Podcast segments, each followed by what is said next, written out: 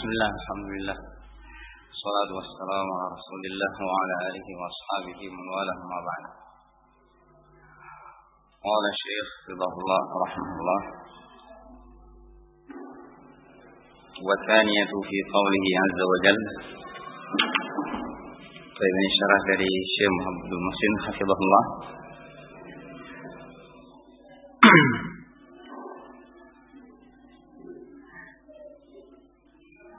Nah, terkait dengan perintah Allah Subhanahu wa taala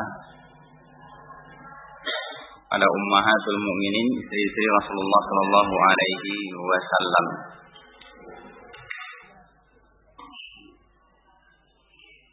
Nah, bahwa hukum yang yang disebutkan di, di sini untuk berhijab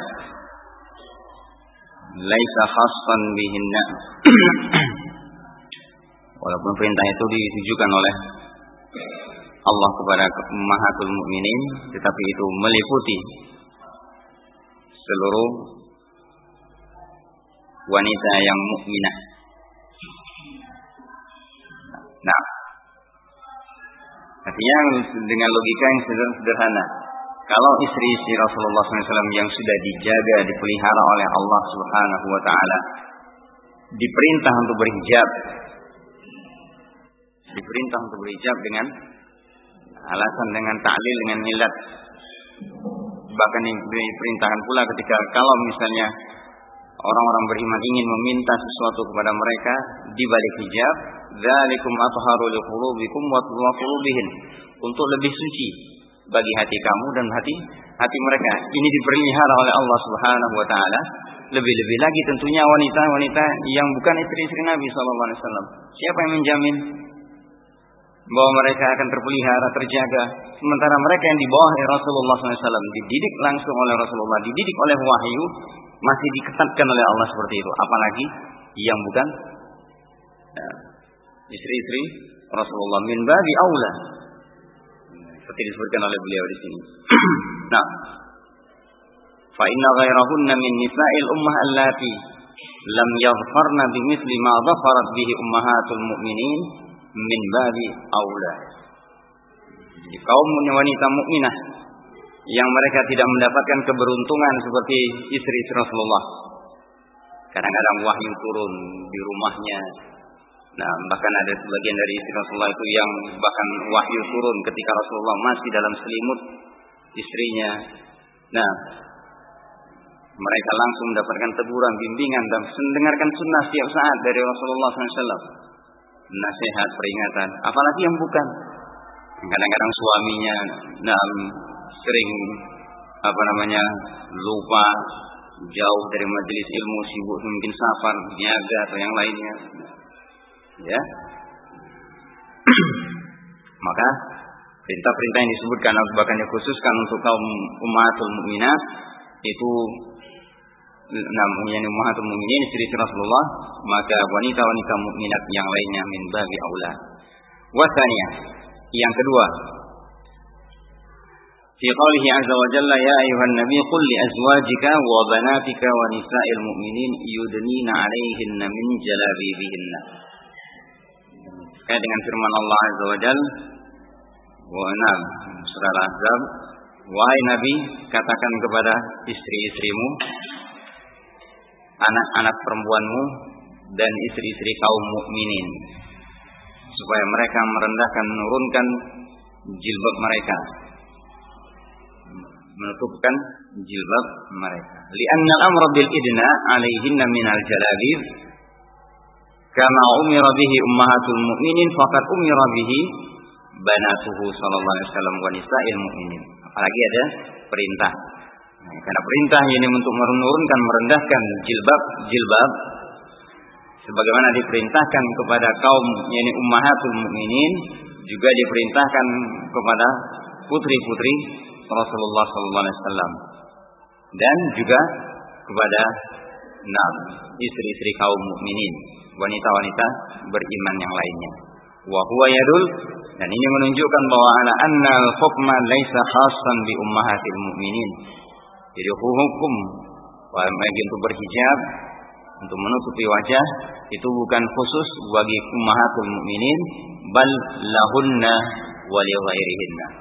Bahkan lebih yang juga ini untuk mereka juga lebih-lebih lagi untuk wanita-wanita selain mereka. Makanya ketika di awal-awal ayat tentang istri-istri Rasulullah tersebut Allah menyebutkan kalau seandainya mereka melakukan fahisyah, dosa yang mereka yang terima dua kali lipat dari wanita biasa. Dua kali lipat. Ketika mereka betulnya memilih Allah dan Rasulnya, pahalanya pun dilipat gandakan lebih dari wanita wanita mukminah lainnya. Allah wa ashar ba'da dalika rahimahullah ila annahu law kana al-hukmu khasan bihinna ala sabil al-fard fa innahunna qudwatun hasanatun li ghairihinna minan nisa. Nah, diisyaratkan lagi kalau misalnya seandainya taruhlah itu khusus untuk istri-istri Rasulullah wasallam Ala sabil al-fard artinya sebagai contoh misal-misal, reka-reka anaknya. Taruhlah, misalnya bahwa itu memang khusus untuk istri-istri Rasulullah. Ya, tapi sesungguhnya mereka adalah qudwatun hasanah, teladan. Siapa yang ingin ditiru oleh kaum mukminah untuk mendapatkan surga kalau bukan istri Rasulullah? Kan itu. Logikanya seperti itu. Nah, siapa yang ditiru oleh kaum mukminah untuk mendapatkan surga kalau bukan istri Rasulullah? Sebagaimana yang Allah tegaskan di dalam surat An-Nisa, "Wa man yushaqiqir rasula min ba'di ma tabayyana lahul huda wa yattabi' ghayra sabilil mu'minin nuwallihi ma tawalla wa nuslihi jahannam wa sa'at masira. Sebagai apa? yakni ketika mereka memilih jalan yang bukan jalan orang-orang yang beriman. Siapa yang pertama sekali? Nah, dari orang yang datang belakangan, ya para sahabat. Nah, lebih khusus lagi yang pertama sekali buat kaum mukminin istri-istri Rasulullah SAW. Para sahabat itu pun demikian. Istri-istri Rasulullah SAW itu adalah teladan buat mereka. Nah, fa innahunna qudwatun hasanatun li ghairihinna minan nisa.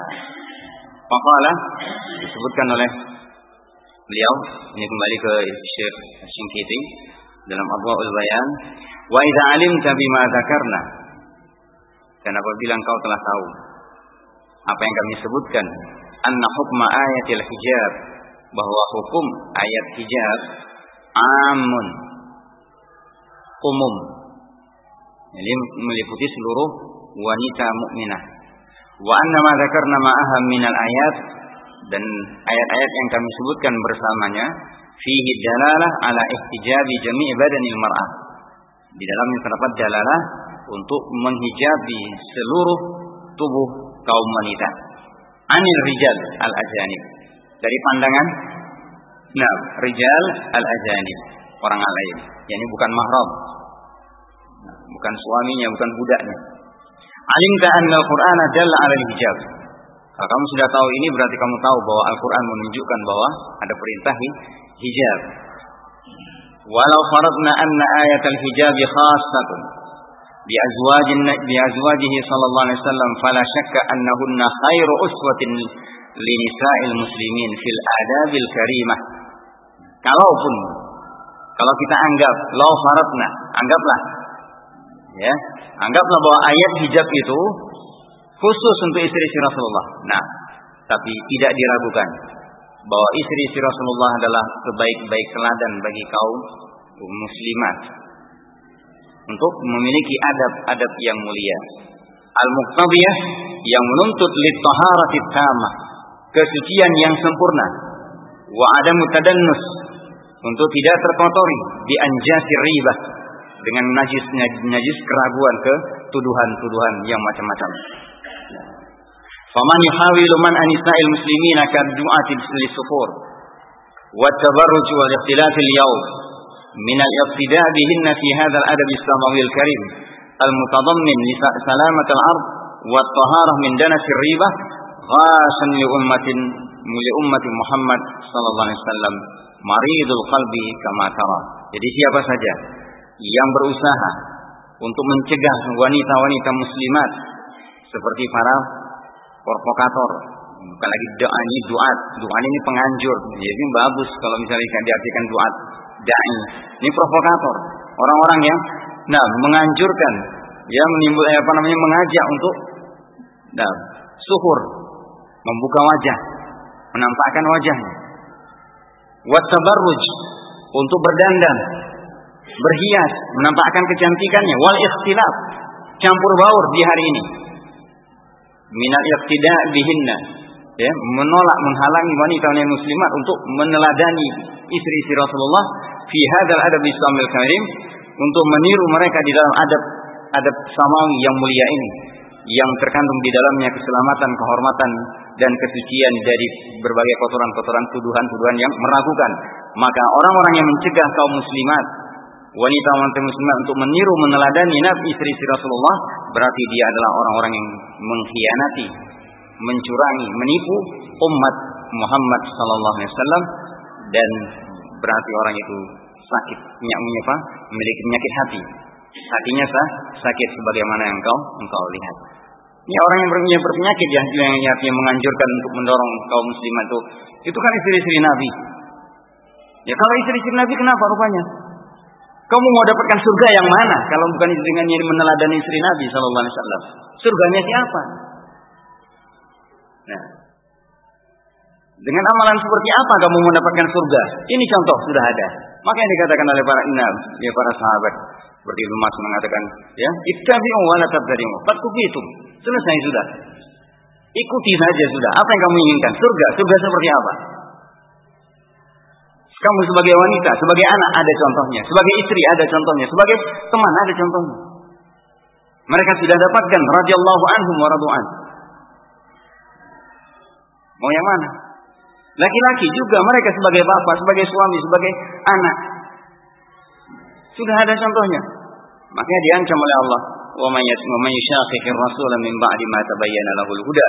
Siapa yang menentang Rasul sallallahu alaihi wasallam setelah jelas al-huda baginya. Wa yattabi' ghaira sabilil mu'minin dan dia mengikuti jalan yang bukan jalan orang yang beriman. Jalannya para sahabat, jalannya istri-istri Rasulullah. Nah, nuwallihi ma tawalla, kami palingkan dia kepada apa yang dia mau, apa yang dia pilih. Wa nuslihi jahannam dan kami masukkan dia ke dalam jahannam. Wa sa'at masir. Dan jahannam adalah seburuk-buruk tempat kembali. Nah, yang mujahid ada contoh. Mau berjihad seperti apa? Apa yang jihad? Nah, jihad dalam menekan hawa nafsu ada contohnya para sahabat.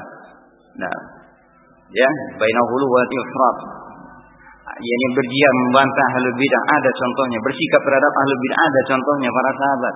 Bagaimana kerasnya mereka, bagaimana mereka betul nah, berupaya untuk nah, terpaksa memerangi, jadi perangi. Dengan kalimat, dengan kalimat. nah. Qala rahimahullah qala hafizahullah wa man wa min awdahi ma yastadillu bihi min as-sunnah ala wujubi tawziyatil mar'ati wajhiha wajhaha anir rijalil ajanib ma jaa fiha anna nisaa yughattina aqdamahun termasuk di antara dalil-dalil yang pak yang ini sunnah yang paling jelas yang dijadikan dalil untuk wajibnya menutupi wanita itu menutupi wajahnya dari rijal ajanib dari pandangan laki-laki yang bukan mahramnya bukan suaminya yaitu maja'a fiha anna nisaa yughattina aqdamahun. Bahwa wanita diperintahkan apa menutupi menutupi kakinya. Mana yang bikin orang merangsang tertarik? Kaki perempuan apa muka perempuan? Wajah perempuan. Wajah. Selintas saja sudah. Nah, kaki nggak peduli kadang-kadang orang. Nah, terbuka atau terbuka enggak enggak noleh. Tapi kalau dia mulai perempuan sudah hatta yang abid sekalipun sudah nah, gelisah. Nah, abid sekalipun sudah gelisah. Kadang-kadang bukan cuma Nah, lihat tangan saja kalau sudah di apalagi yang terbiasa tidak pernah melihat. Nah, itu sudah kehilangan konsentrasinya dalam dalam ibadah. Qala wa an Abdullah bin Ibnu Umar radhiyallahu anhu qala kana Rasulullah SAW Rasulullah SAW bersabda, "Man jarra thawbahu khuyala'a lam yanzurillahu ilaihi yaumal qiyamah." siapa yang menyeret pakaiannya, kainnya, karena sombong, tidak akan dilihat oleh Allah nanti pada hari kiamat. Faqalat Ummu Salamah, Ummu Salamah, siapa ini? Hind binti Abi Umayyah, istri Rasulullah sallallahu alaihi wasallam. Zaujatun Nabi bertanya, "Fa kaifa yasna'na nisa biduyulihin?" Bagaimana kami ya Rasulullah dengan duyul, dengan sisa-sisa kain yang terseret-seret mencapai tanah. Ya. Qala yurhi yurhina shibran. Ya, artinya banyak sisa kain-kain mereka. Nah, itu bagaimana? Kalau apakah nah, seperti juga kaum laki-laki harus dinaikkan, tidak boleh diturunkan. Karena kalau menjadi diseret berarti kami sama, tidak akan dilihat oleh Allah. Tidak. Bahkan apa kata Rasulullah? Yurhina shibran. Ditambah lagi sejengkal. Diturunkan supaya apa? Tertutup kakinya. Supaya ter, tertutup. Nah, dijulurkan lagi, ditambah lagi se, sejengkal. Fakalat idan kalau sejengkal ya Rasulullah, tankashifu aqdamahun. Tankashifa aqdamahun. Kalau begitu, maka masih tersingkap ternyata kaki-kakinya. Subhanallah. Itu masih terbuka. Tambah lagi qala fayurkhilahu zira'an, tambah lagi sehasta. Betul-betul tertutup. Nah, kalau sekarang alhamdulillah pakai kaos kaki. Cuma kadang-kadang kaos kaki tipis. Dan juga nasi nampakkan bentuk. Hanya hati-hati. Ya, ini tambihan buat para umat. Kalau bisa yang agak tebal dan kalau misalnya tutup tutup tutup lah. Ya.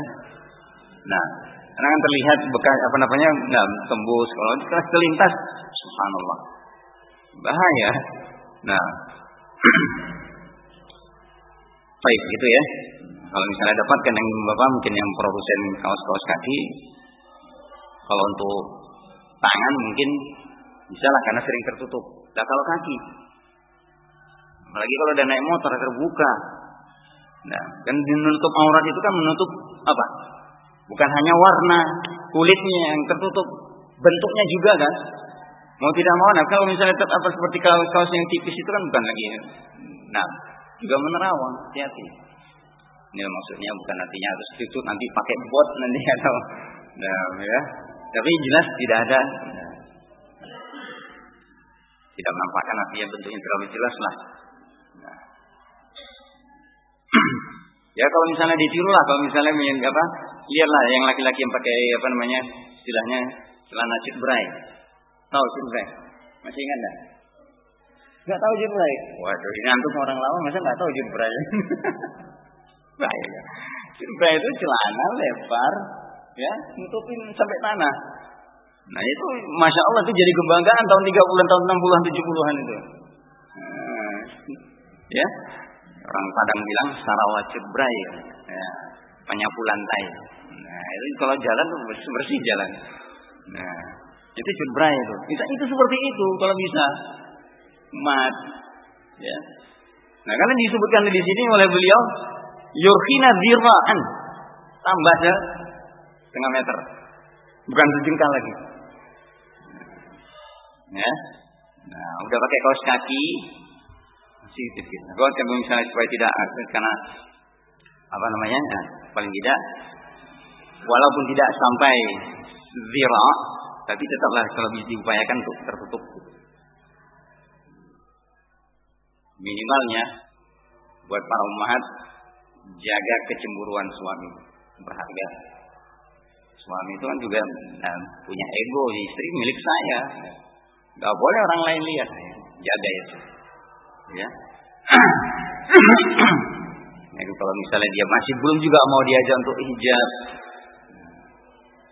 Masa kau pamerkan buat mana? Orang lain masa boleh lihat? Orang punya kita kok masa orang lain boleh lihat? Gitu. Nah, wajah istri, nah, punya kita bukan punya orang lain. Kita yang menikmati, kita yang nah, dia mau dandanan harus untuk kita, bukan untuk orang lain. Ya, maka apa suami harus punya rasa cemburu, yang demikian ini. Dan suami istri pun harus jaga. Hmm. Ya, kadang-kadang nanti, masya Allah, seperti mereka di sana kalau udah pulang ke kantor, pulang dari kantor, masya Allah, celemongan nggak peduli, suaminya pulang kantor udah nampak ini lusuh lecek udah. Tapi kalau mau berangkat kantor, wah masya Allah, wangi-wanginya 5 meter udah kecium orang lain. Iya, Senyumnya masya Allah nih orang. Tapi di rumah sama suaminya cemberut. Nah, Jadian kan? Banyak yang seperti ini kan? Nauzubillah. Nah. Semoga Allah pelihara mahat apa muslimat dan mukminat terutama salafiyat untuk menjaga gairah suami suami mereka. Nah, kadang-kadang sebagian sahabat juga saking cemburunya dia tidak ingin boleh padahal perkara yang boleh. Rasulullah melarang, jangan kamu larang wanita-wanita hamba-hamba Allah yang perempuan ini untuk datang ke masjid sholat isya. Salah seorang sahabat nggak suka kalau istrinya yang cantik itu ikut-ikut juga sholat di masjid. Tapi dilarang nggak boleh. Gimana caranya? Diam-diam dia goda istrinya. Colek pinggulnya. Jerit istrinya. Istrinya sendiri bukan istri orang. Pulang ke rumah. Besok-besok. Kenapa? Gak mau lagi ke masjid. Kenapa? Diganggu orang. Ini suaminya sendiri. Nah, itu karena enggak, nah, bukan enggak apa, nah, seperti itu para suami. Nah, ini juga para istri, begitu hormatnya, maka akhirnya, nah, Pernah ada juga di antara mereka yang bahkan nempelin istrinya. Kenapa? Ngintip jendela, wih, masya Allah, ganteng ya dia. Tidak boleh bersal sepenuhnya, bahasa begitu kan perempuan. Tidak boleh, bahaya itu buat dia. Ya, nah. Kalau sahih itu juga dari Mu'ad bin Jabal. Ya, Mu'ad bin Jabal. Senang perempuan yang seperti apa istrinya berbuat seperti itu. Baik. Rawahu ahli sunan wa ghairuhum wa qala Tirmidzi hadha haditsun hasanun sahih. Baik. Qala fa inna maji' asy-syari'ati bi an-nisa'i aqdamahunna yadullu dalalatan wadihatan ala anna taghtiyatal wajhi wajibun. Datangnya syariat perintah untuk menutup wanita perintah wanita untuk menutup kaki-kaki mereka menunjukkan dalalah yang wadih jelas bahwa menutup wajah itu wajib. Li'annahu maudhi'u fitnah. Karena wajah itu maudhi' fitnah. Cepat orang itu terfitnah dibanding dibandingkan dengan kaki. Kaki itu. Wal jamal minal mar'ah. Ya, tempat kecantikan bagi wanita. Wa taghtiyatuhu aula min taghtiyatir rijlain. Maka menutupi wajah itu lebih utama lebih didahulukan lebih pantas daripada menutupi dua dua kaki nah qala wal maratu hurratu al hurratu wanita yang merdeka fi salati tughatti jami'a badaniha illa wajhaha Wanita merdeka ketika sholat itu menutupi seluruh tubuhnya kecuali wajahnya. Ini syariat. Di dalam sholat dan ketika tawaf dia tidak boleh menutup wajah. Laki-laki perempuan sama. Nah, perempuan lebih-lebih. Ya, laki-laki juga tidak boleh. Kalau ketika sholat menutup wajahnya pakai putra ataupun pakai masker tidak boleh. Wahada alladhi dzakarahu Syekh rahimahullah qad azahu fil mughni apa yang disebutkan oleh Syekh itu disebutkan juga oleh dinisbahkan oleh beliau di dalam Al-Mughni jilid yang kedua ila madhabil Imam Ahmad sebagai madhab Imam Ahmad. Syengkiti madhabnya Maliki. Syengkiti madhabnya Maliki.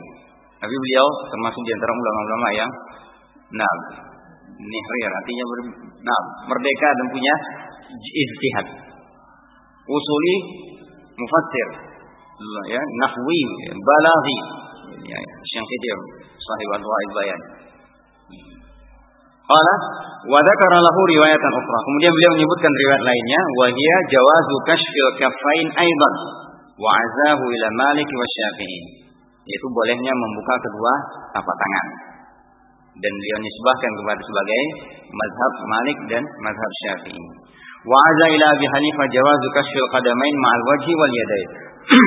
dan beliau nisbahkan pula sandarkan pula kepada Abu Hanifah bolehnya membuka kedua kaki disertanya ini bersama wajah dan kedua tangan kaki tambahan menurut Abu Hanifah boleh ketiga-tiganya boleh membuka wajah dua tangan dan kaki dalam apa dalam sholat wa idza kana indal mar'ati rijalun ajanib kalau di dekat wanita itu ada laki-laki ajanib bukan mahramnya. Wahia tusalli fa innaha tughatti wajhaha. Dalam keadaan dia salat, dia tetap menutup wajahnya. Kalau ada orang lain, kita bawa istri kita safar. Salat di masjid, eh, mampir. Masjid. Orang masih ramai. Ya, dia mau salat. Salat tutup wajah, tidak masalah. Boleh. Qala fil Mughni, qala Ibn Abdul Bar wa qad ajma'u ala anna ala nam, ala anna 'ala al-mar'ati an takshifa wajhaha fi sholati wal ihram. Nah, dan disebutkan oleh dalam Al-Mughni menukil dari Ibnu Abdul Bar dan beliau rahimahullah termasuk orang-orang yang diakui penukilan ijma'nya Ibnu Abdul Bar. Ya. Mereka ulama ulama sepakat bahwa wanita boleh dia, dia membuka wajahnya ketika sholat dan ketika ihram. Ketika ihram. Nah, apa umroh ataupun haji. Wal iqtisar ala kasfil wajhi fi sholat. Dan juga membatasi diri artinya hanya membuka wajah ketika sholat. Wa huwa alladhi ajma'a ulama huwal aula wal ahwal. Nah, apa yang disepakati oleh inilah yang disepakati oleh para ulama dan ini lebih utama dan lebih berhati-hati. Ini ketika sholat, artinya kalau misalnya dicukupkan, ya dia hanya buat dia boleh membuka, yani membuka wajah itu ketika sholat saja. Adapun ihram terserah, boleh dia membuka, nah, ya maksudnya demikian, ya. Tapi kalau artinya dia mengatakan bahwa ijma ulama bahwa yani membuka yani bolehnya wanita itu membuka wajahnya ketika sholat nah ini lebih berhati-hati namun kila mungkin pas waktu ihram mungkin tampil dari beliau ya atau ya apa namanya dari istihad beliau saja untuk apa nah tentang bolehnya apanya keharusan membuka wajah ketika ihram nah Wa amma wa ammal amatu. Adapun budak tadi wanita yang merdeka. Adapun budak fa innaha idza sallat ra'si. Fa inna salataha sahihatun fi qawli amati ahli ilmi illa al-Hasan al-Hasan al-Basri. Nah, adapun budak dia ketika salat terbuka wajah Arab rambutnya tidak pakai selendang, tidak pakai apa kerudung apa namanya apa itu mukena tidak pakai rukuh salatnya sah. Kalau dia statusnya bu budak kalau statusnya bu budak ini menurut keumuman ahli ilmu kecuali Al Hasan Al Basri kama katahu fil Mughni menurut nah, Ibnu Qudamah dalam Al Mughni keumuman mayoritas ahli ilmi menyatakan sah salatnya kecuali Al Hasan. Wa fi khasfi ghairi ra'si khilaf bain ahli ilmi. Ataupun adapun membuka selain kepala, mereka berbeda pendapat.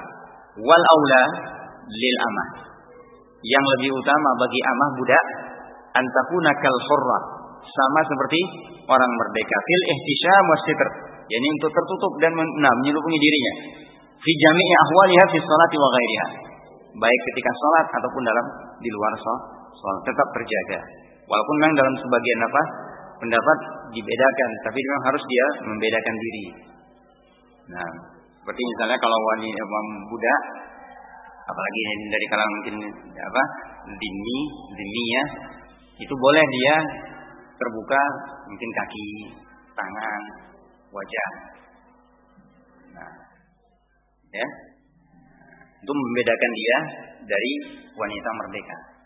Untuk membedakan dia dari wanita mereka. Adapun wanita mereka tetap harus tutup supaya dia tahu orang. Di zaman itu bisa dibedakan, oh ini merdeka. Nah pakaiannya beda. Baik, itu syarat yang ke enam. Sitrul aura. Baik. Sekarang kita masuk ke dalam syartus sabi'. Syartus sabi' dukhulul waktu. Masuk waktu.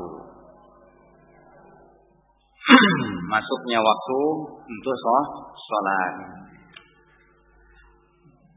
Ini syarat yang ketujuh. Sebagian ulama menyebutkannya di apa namanya syarat yang pertama. Nah, syarat yang pertama dukhul waktiha. Masuk waktunya, waktu sholat, waktu sholat. Ini perhatikan andalan kita Kalau kepepet ya, baru pakai kalender. Ya, sebisanya kita belajar untuk melihat sendiri matahari. Perjalanan mata matahari. Bagaimana waktu subuh? Waktu duha, waktu duhur.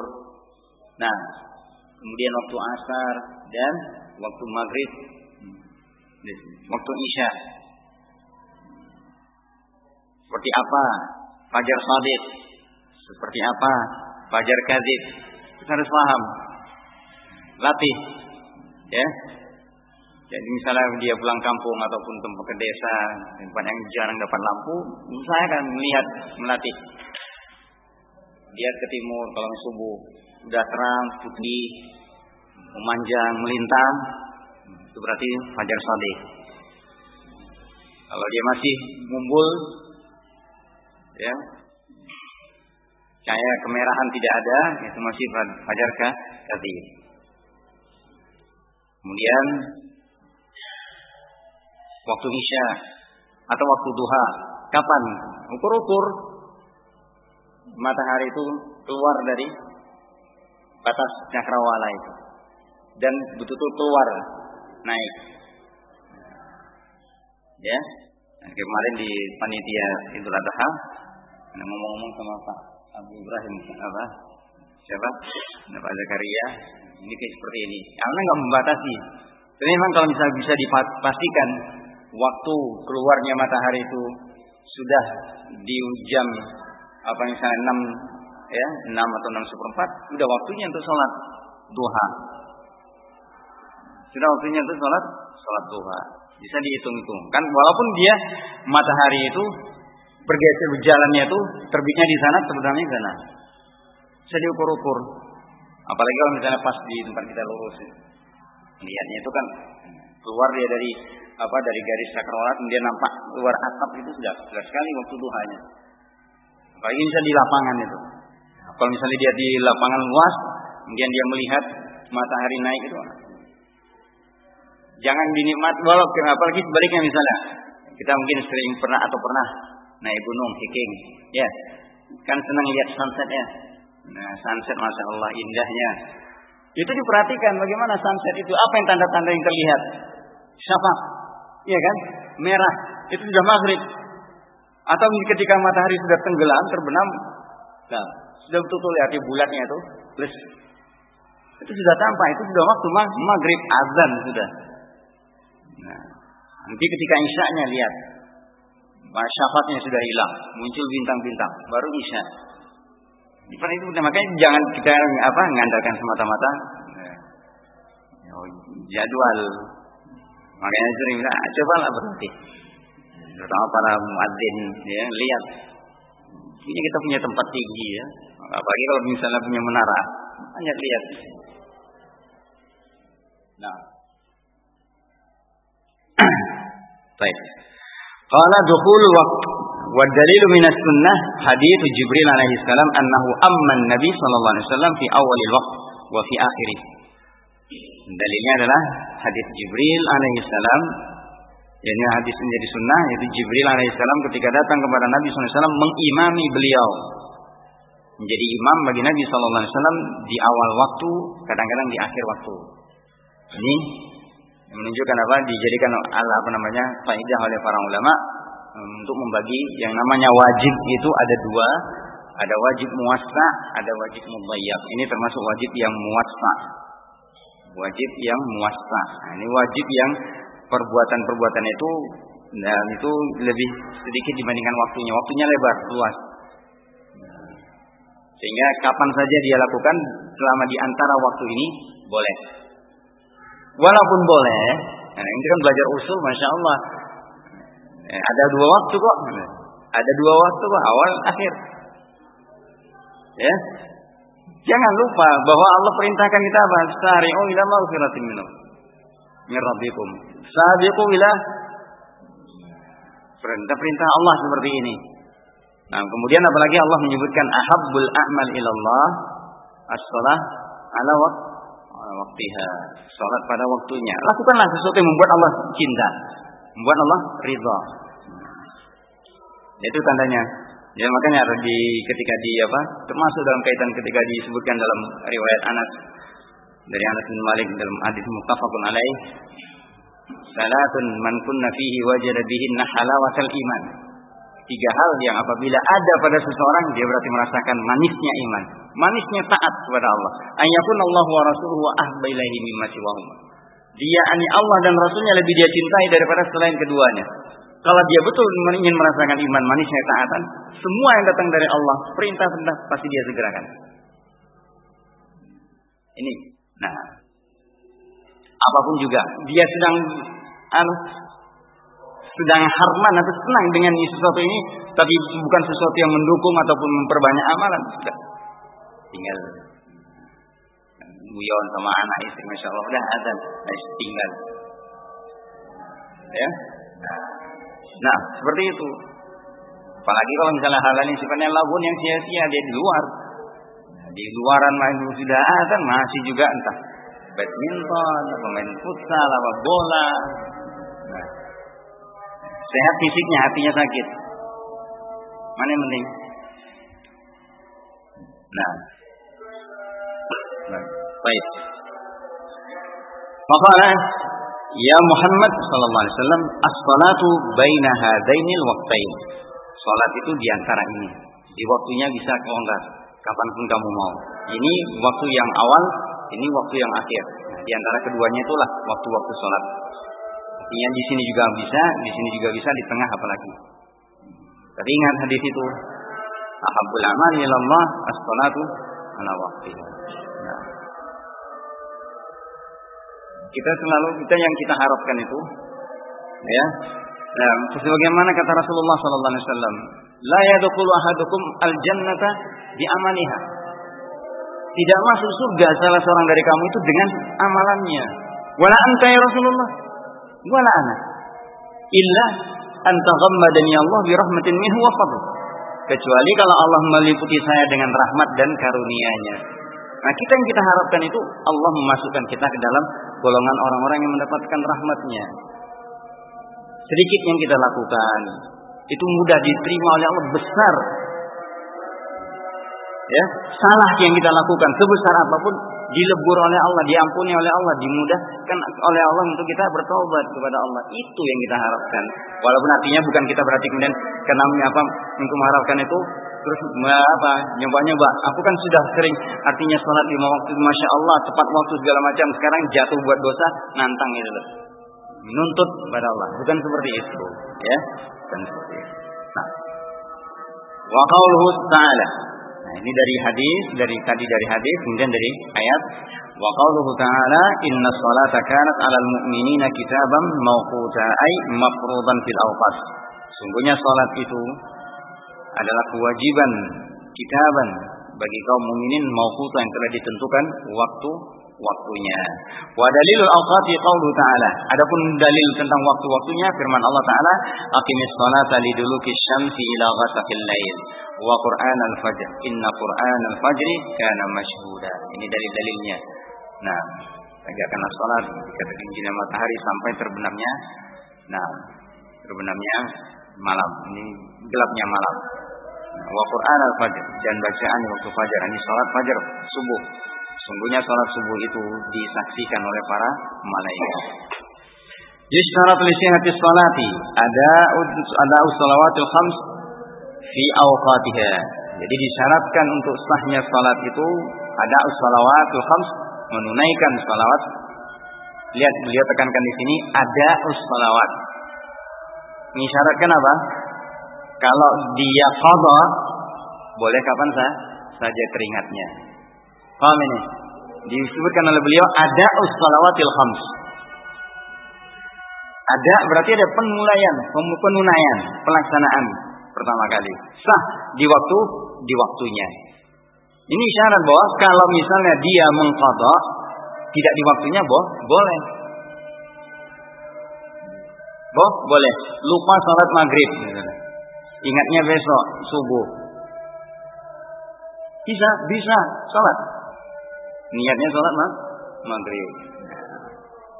Ya, seperti itu.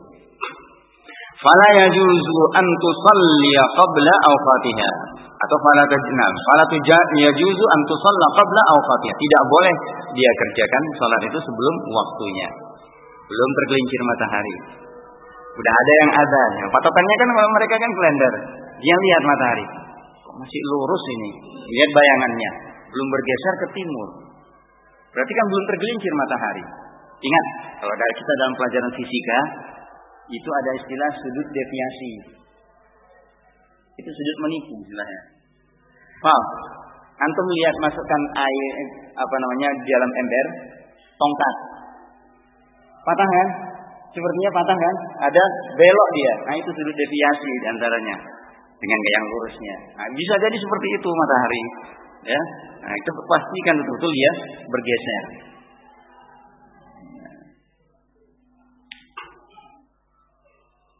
Baik. Qala wa in sallaita wujub wajib i'adatuha. Kalau kamu salat juga wajib untuk mengulanginya. Wala yajuzu ta'khiruha an waqtiha. Tidak boleh menunda-nundanya sampai keluar waktunya.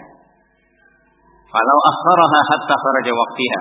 Kalau dia menunda-nunda salat tersebut sampai keluar waktunya, fa in kana li naumin la tafrita ma'ahu aw nisyanin qadaha wala ithma alaihi. Kalau misalnya dia keluar dia tinggalkan ya, dia tunda-tunda sampai artinya keluar waktunya. Kalau misalnya karena tidur dalam keadaan dia tidak sengaja, bukan tafrid, bukan karena meremehkan sholat. Nah, atau dia lupa, maka dia tunaikan, dia ubayar, dia ganti qada ya kapan sah, kapan saja, walaupun sudah keluar waktu waktunya ini tadi. Ya disebutkan beliau. Wala itsma dan dia tidak berdosa berdosa. Kenapa tidak berdosa? Hadis dan juga ayat. Ya.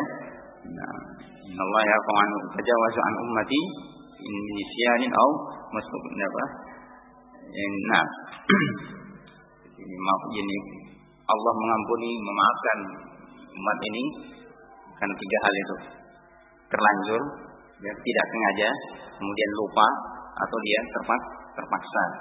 Nah. Wa in kana li ghairi wa qadaha. Kalau misalnya yang lain bukan karena tidur yang kan atau karena lupa, ya, sengaja sengaja main-main atau sibuk dengan yang sesuatu yang lahun sampai keluar waktu. Ya. Dia berdosa, jadi tetap dia wajib untuk mengkodoknya. Tinggal istighfar tobat. Jangan diulangi. Wallahu a'lam bishawab. Ini dulu insyaallah. Kita lanjutkan pada kesempatan lain. Hah? Oh, iya, cukup juga ada kisahnya Aisyah radhiyallahu anha. Ya, apa-apa dia buka apa namanya, dia tutup wajah kalau memang ramai orang. Nah, jadi misalnya pernah kan Aisyah radhiyallahu anha, dia membuka sebagian dari bayar, dia membuka wajahnya dalam ketika tawaf, tapi ketika tahu ada orang Nah sekarang banyak yang tidak tutup. Nah, nah itu mantu lihat sendiri ini banyak. Nah seperti boleh. Itu makanya kalau terlalu banyak kuotanya sudah sekarang lebih dari tiga jutanya. Mudah-mudahan ini pangkas juga dalam. Nah. Tapi kalau misalnya apa ini, gini juga sekarang masya Allah nunda menunggu-nunggu haji 40 tahun. Nah, sekarang antum nabung ini yang masih masih muda ini. Iya nabung sekarang 40 tahun lagi ya haji ya. Sudah loyo nanti. nah, ini malah di, diangkat orang kan bukan. Ya